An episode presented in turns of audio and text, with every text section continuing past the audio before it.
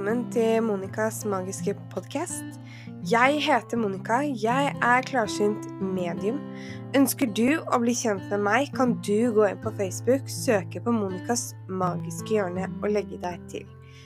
I denne podkasten kommer jeg til å snakke om det åndelige, uforklarlige ting osv. Jeg kommer også til å ha med meg gjester som kommer til å snakke om sin erfaring og sine opplevelser i forhold til det spirituelle.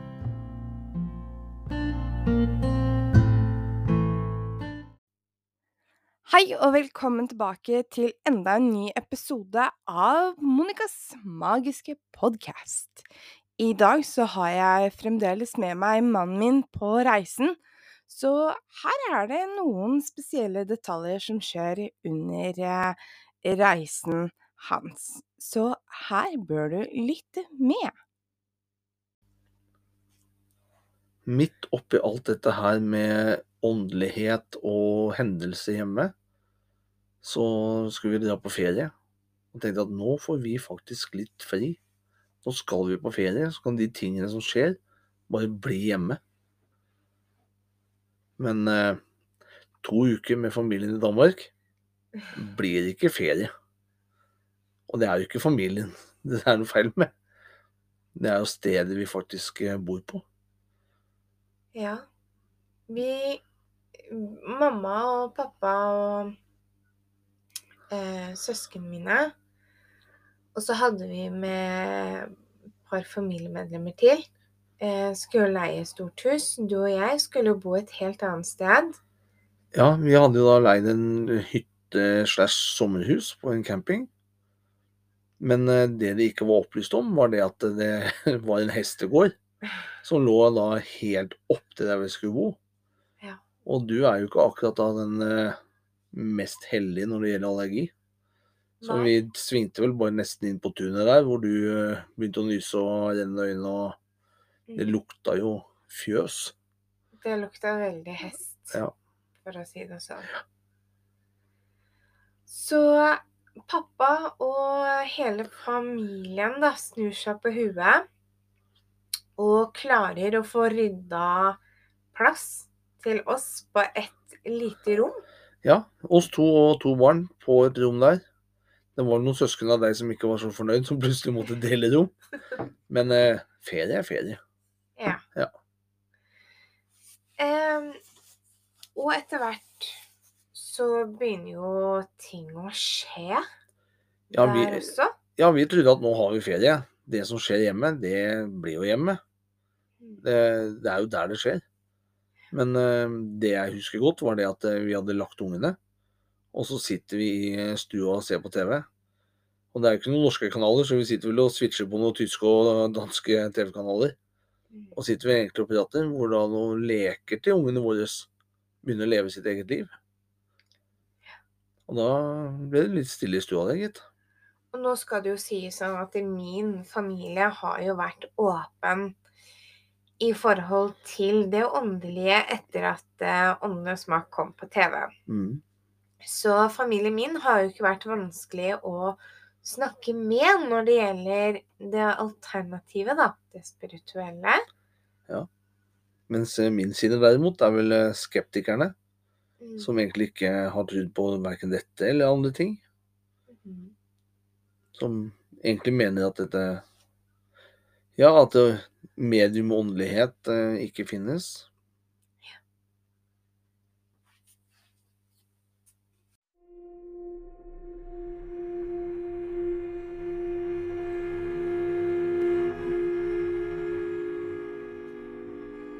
Jeg sto jo opp tidlig en eh, morgen. Eh, gikk ut av eh, soverommet der vi lå og sov. Eh, ved kjøkkenbordet så sitter pappaen min. Og søsteren min har også stått opp. Og jeg skulle ut. Jeg husker ikke helt hva jeg skulle, men søsteren min ble jo med meg ut.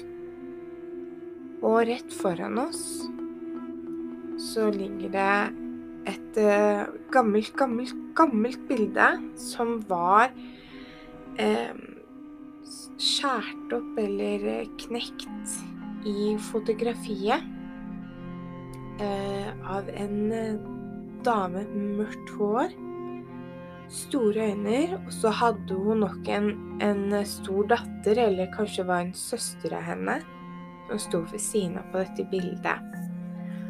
Og det lå jo da på trappa utafor eh, inngangen der vi lå. Vi tok det med oss inn, og i det momentet når jeg tok med bildet igjen, så kjente jeg en frysning i ryggraden. Og det turte ikke jeg fortelle til noen, fordi Ja, man blir litt usikker på, da. Eh, er det sant? Det man føler? Er det sant det man får inn av beskjed? Og når man ikke er så dreven når man er ung, så blir det veldig sånn usikkert, da. Og da tror man heller at det er fantasien som løper litt. Eh, etter hvert så var det liksom andre ting som skjønte jeg. Eh, for det var jo en litt sånn gårdaktig vi bodde på. Ja, det var vel egentlig verdt en god utgangspunkt, Mm. Som da var bygd om til ja, litt leiligheter og utleie og Ja. lageting. Og det var jo bare vi som eh, bodde der akkurat den sommeren. Mm. Eh, plutselig så kunne noen av disse lysene faktisk gå på i de tomme rommene. Det var ikke leilighet. Jeg oppfattet det ene rommet som en litt sånn der hobbyrom eller verksted. Ja, det, det var liksom huset bygd som en U. Mm. På den ene langsiden så var det leiligheten vi bodde i. Men det var jo bare første etasje. Annen etasje sto jo tomt. Mm. Og liksom i bånn av U-en, der var det jo en garasje, for der var det de syklene vi lånte. Og i den andre enden av U-en, der så det ut som det hadde vært noe verksted eller stall eller. Ja, noe sånt noe. Litt større dører og sånne ting. Ja. Og vi var jo mye ute, og det var jo, ikke til å legge skjult, det var jo hester i nærheten også. Eh, som var på sånne store gårder og inngjerding og sånne ting. Eh, og det var en dag det regnet veldig der, så bare smalt alle de låvedørene opp. Og der var det parkering med masse sykler, husker jeg. For der kunne du låne sykkel for å sykle litt. Eh, og vi skulle gå eh, Det var jeg og søsteren min skulle gå og lukke disse her. Og da hører vi at det er hester inne i rommet. Eh, og vi blir jo egentlig veldig redde, så vi lukker jo. Men jeg tror ikke vi hadde fått lukka de godt nok, for de gikk jo like fort opp igjen etter at de kom inn. Eh, og så så man at dette arbeidslyset her gikk på. Men dagen etterpå så skulle mamma og pappa ut og kjøre. Husker du hva som skjedde da? Nei, det Jeg tror ikke jeg var på den sida i det hele tatt. Nei. Da mamma og pappa kom tilbake for de reiste jo ut og hadde med seg folk i bilen, og kom tilbake igjen, så syntes han at eh, bilen var litt rar. Det var noe etter Ja, annet... de den hadde for- to biler de med seg. Ja, De kjørte to biler, det stemmer det. ja. Og det var jo den bilen som mamma kjørte. Eh, at det var et eller annet med motoren. Den eh, fuska eller bråka, kakla eller et eller annet noe. Og dagen etterpå så skal eh, dem ut og kjøre med pappa sin bil. Jeg tror det var den røde Mercedes. Eh, jeg er litt usikker. Ja, det, kan, jo, det stemme. Det var det fordi vi hadde Vi hadde samme farge på en annen bil. Mm. Og når han skal sette seg inn i bilen, så ser han at den ene bolten til bakhjulet er skrudd ut, og den ligger foran bilen. Liksom på sida av hjulet, da. Da husker jeg pappa begynte å bli redd. Ja.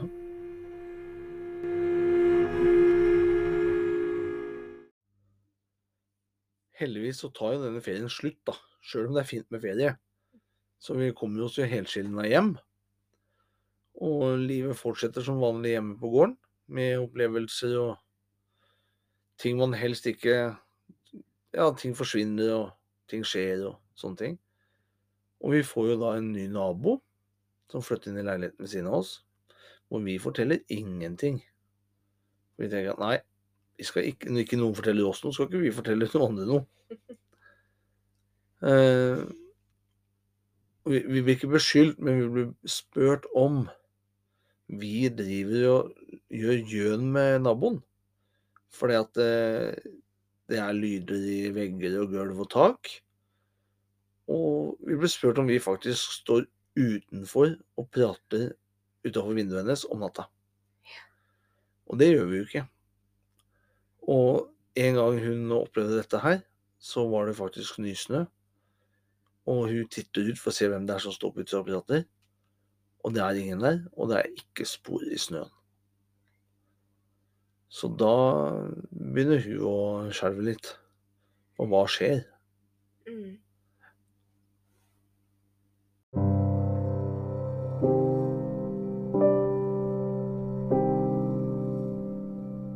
Er du nysgjerrig på det alternativet? Da er du nok ikke alene. Nå har du muligheten til å gripe sjansen. Gå inn på Facebook, søk på Monicas magiske hjørne, og legg deg til. Her vil du få en rekke muligheter til å kunne være med på spennende reise. Man får også dagens budskapskort, og dette er helt gratis. Hvor bra er ikke det? Monica har også da livesendinger med kort. Og det vil jo si med tarekort, med budskapskort, orakelkort, enn hva det er. Hun bruker også intensjonen sin til å hente inn budskap fra den andre siden. Og dette er også gratis. Monica har også et stort utvalg i forhold til varer. Her er det varer til gode hjelpemidler, sånn som jording, beskyttelse, det å kanskje åpne seg, det å kanskje lukke seg. Hvem vet? Hva trenger du? Monicas magiske hjørne vil kunne hjelpe deg.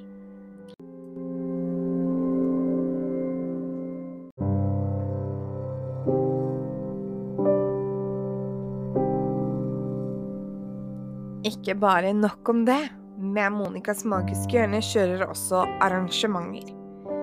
Arrangementer som varer over helger, over dager. Og hvis du også ønsker å booke tid for å kunne ha en åndelig aften hjemme hos deg, så kan du gjøre det. Du kan booke tid hjemme hos meg, eller at jeg kommer hjem til deg. Du samler en hel haug med en deilig blomsterbukett som du ønsker å dele denne kvelden med.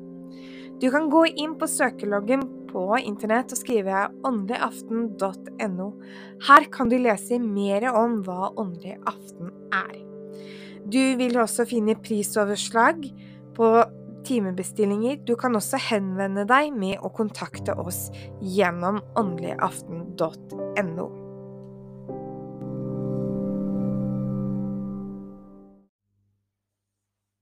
Det begynner faktisk å bli så mye at vi velger å kontakte bladet Medium for å høre om dem eh, kjenner noen som kan hjelpe oss. Og det har litt med at du ennå ikke har åpnet deg så mye som du er i dag. Mm. Sånn at du ikke helt visste hvordan du skulle håndtere denne situasjonen. Mm. Og da har vi veldig flaks, fordi at eh, medium er på den tiden ute etter å lage en historie fra et hjem. De hadde da en serie som de lagde på det. Hvor de da besøkte forskjellige personer og familier og sånne ting som opplevde hendelser hjemme. Så det er jo da en uh, artikkel om oss i bladet Medium. Nå husker jeg ikke akkurat uh, nummeret på det bladet. Årstallet det, det kom ut, for det kom ut litt etter at vi lagde eller ble intervjua. Så Men der kom de i hvert fall hjem til oss og skulle se om de kunne hjelpe oss. Så det kom jo to stykker derfra. Og tok da en ja, hva skal vi kalle for noe, en uh, husrens og en balansering. Mm. Og gikk vel også på hver og en av oss. Mm. På oss som person. Og det var vel egentlig Altså, det mediumet som kom, visste jo ingenting om oss. For at vi har jo ikke noe Ja, vi har jo lukka Facebook-profiler, vi har jo lukka Vi har ikke noe registrert noen nummer eh, på nett. Vi har ingenting ute sånn. Så er jo, vi er litt vanskelig å få tak i som privatpersoner. Og det har vi, alt, det har vi valgt fra før. Altså Mm. før du starta det her òg. Det har vi alltid ønsket å være litt anonyme i eh, samfunnet. Men eh, han gikk jo rundt i huset som eh, ja, hva skal si, som medium gjør, klarsynte gjør, når de hva skal si, leiter etter eller prøver å få kontakt med ånden i verden. da. Og han, eh, han brukte jo god tid. Jeg syns nesten det var litt kjedelig å sitte her og vente.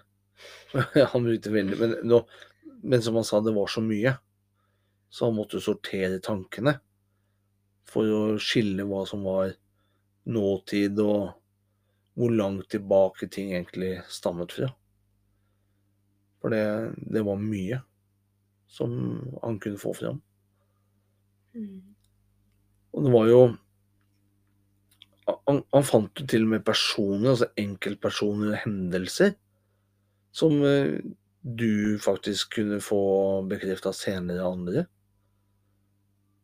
At hadde skjedd der og kunne, skje, kunne ha tilknytning til stedet.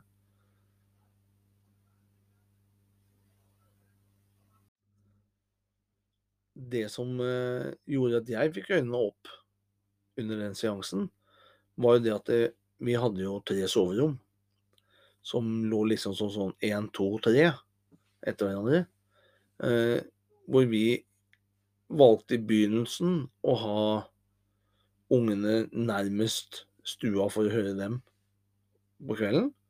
Og så bytta vi rom med dem etter hvert som dem ble større. Og det er jo ikke noe han kunne se, for den gangen så var ikke rommene særlig utpreget til å være noe barnerom eller noe sånt. Det var jo nøytrale farger på alle tre rommene. Og ikke noe Altså, blå gardin, blå gardin, hvit gardin Altså, det var liksom Det var nøytrale, kjønnsnøytrale farger, da. Men han kunne jo da gå inn på et rom som vi har hatt senga vår. Og han sa at her har den senga deres stått. Og han kunne da Altså det er jo 50-50 sjanse på hvilken side du ligger på. Så enten så bommer du, eller så bommer du ikke. Men han kunne jo da komme med hendelser i forhold til det å gå og legge seg. Hvilken side man lå på. Hvorfor man lå på den siden. Som ja, overraska meg at han kunne være så spesifikk på ting. I forhold til eh, hvilken side du ligger på, hvorfor du ligger på den siden. Og du vil jo ikke ligge mot vinduet. For det liker jo ikke du, og det gjør jo ikke du den dag i dag heller. Nei. Nei. Og det at han da kunne fortelle at uansett hvilken vei hodeenden på senga stått, uansett hvilket rom, så ville du alltid ligge på ja, Kall det høyre side av sengen, da. Ville du gjort. Men inne på det rommet hvor det da var snakk om hvor senga hadde stått, så lå du faktisk på venstre side av sengen. Og det kunne han da si at ja, men du har jo bytta side. Hvorfor har du det? Og det var jo pga. vindu. Mm. At du ikke ville ligge på vindussida. Men for meg så kan jeg ligge opp ned i senga, ja. Altså, for meg har det ikke så mye å si. Nei. Men han fant jo da ut hvem denne personen var, og det var jo da som gikk en der inne, det var jo en som hadde dett ut av senga. Eller blitt dratt ut av senga, som jeg forsto. Mm.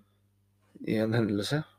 Det var så gammelt òg at det var vanskelig eh, å rense bort energien, fordi det var et avtrykk.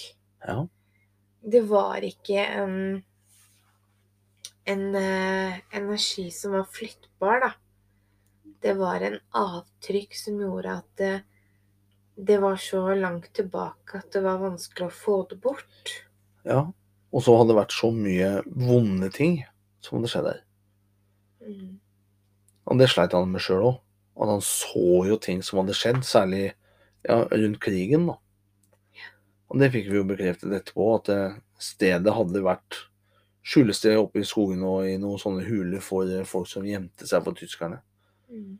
Så at de sto i huset og titta nedover jordet og veien for å se til tyskerne, det Det trodde de på. Det gjorde de.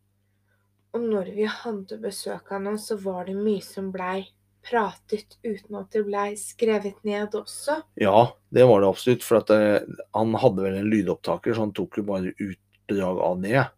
Ja. Og noterte litt underveis. Eh, men det Det som fikk øynene mine maksimalt opp, det var jo det at han kunne se på meg, og så sier han det at eh, Altså, han sa ikke Han sa hvilket øye det var, og hva det var for noe.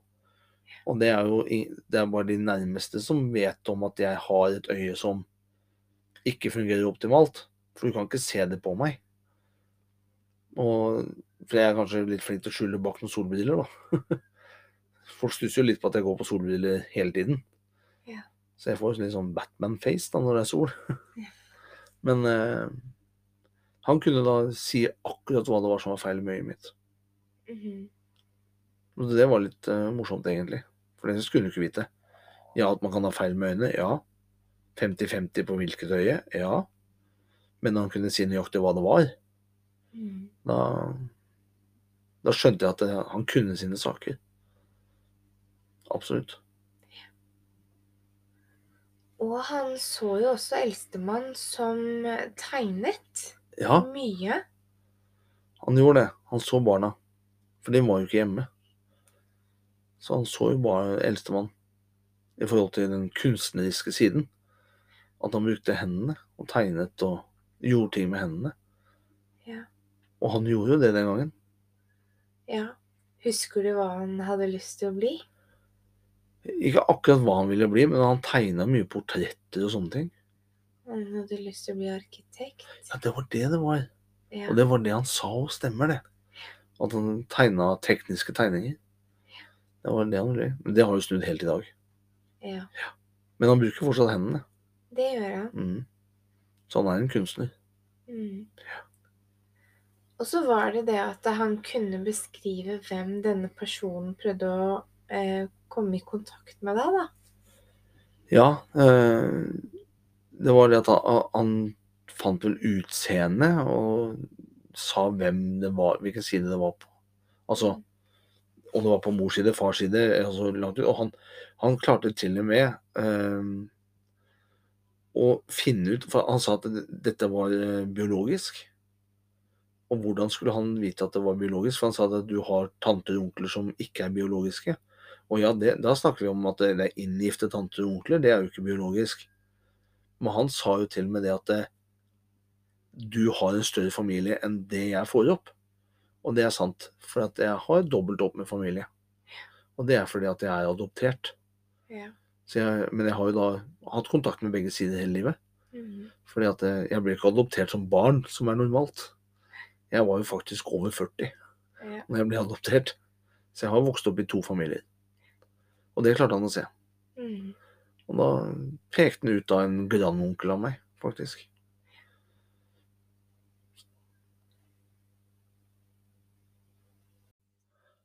Har du lyst til å høre videre min reise? Da må du følge med.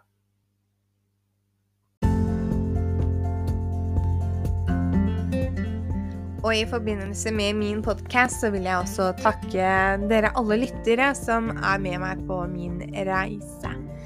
Så tusen takk for at du lytter til min podkast.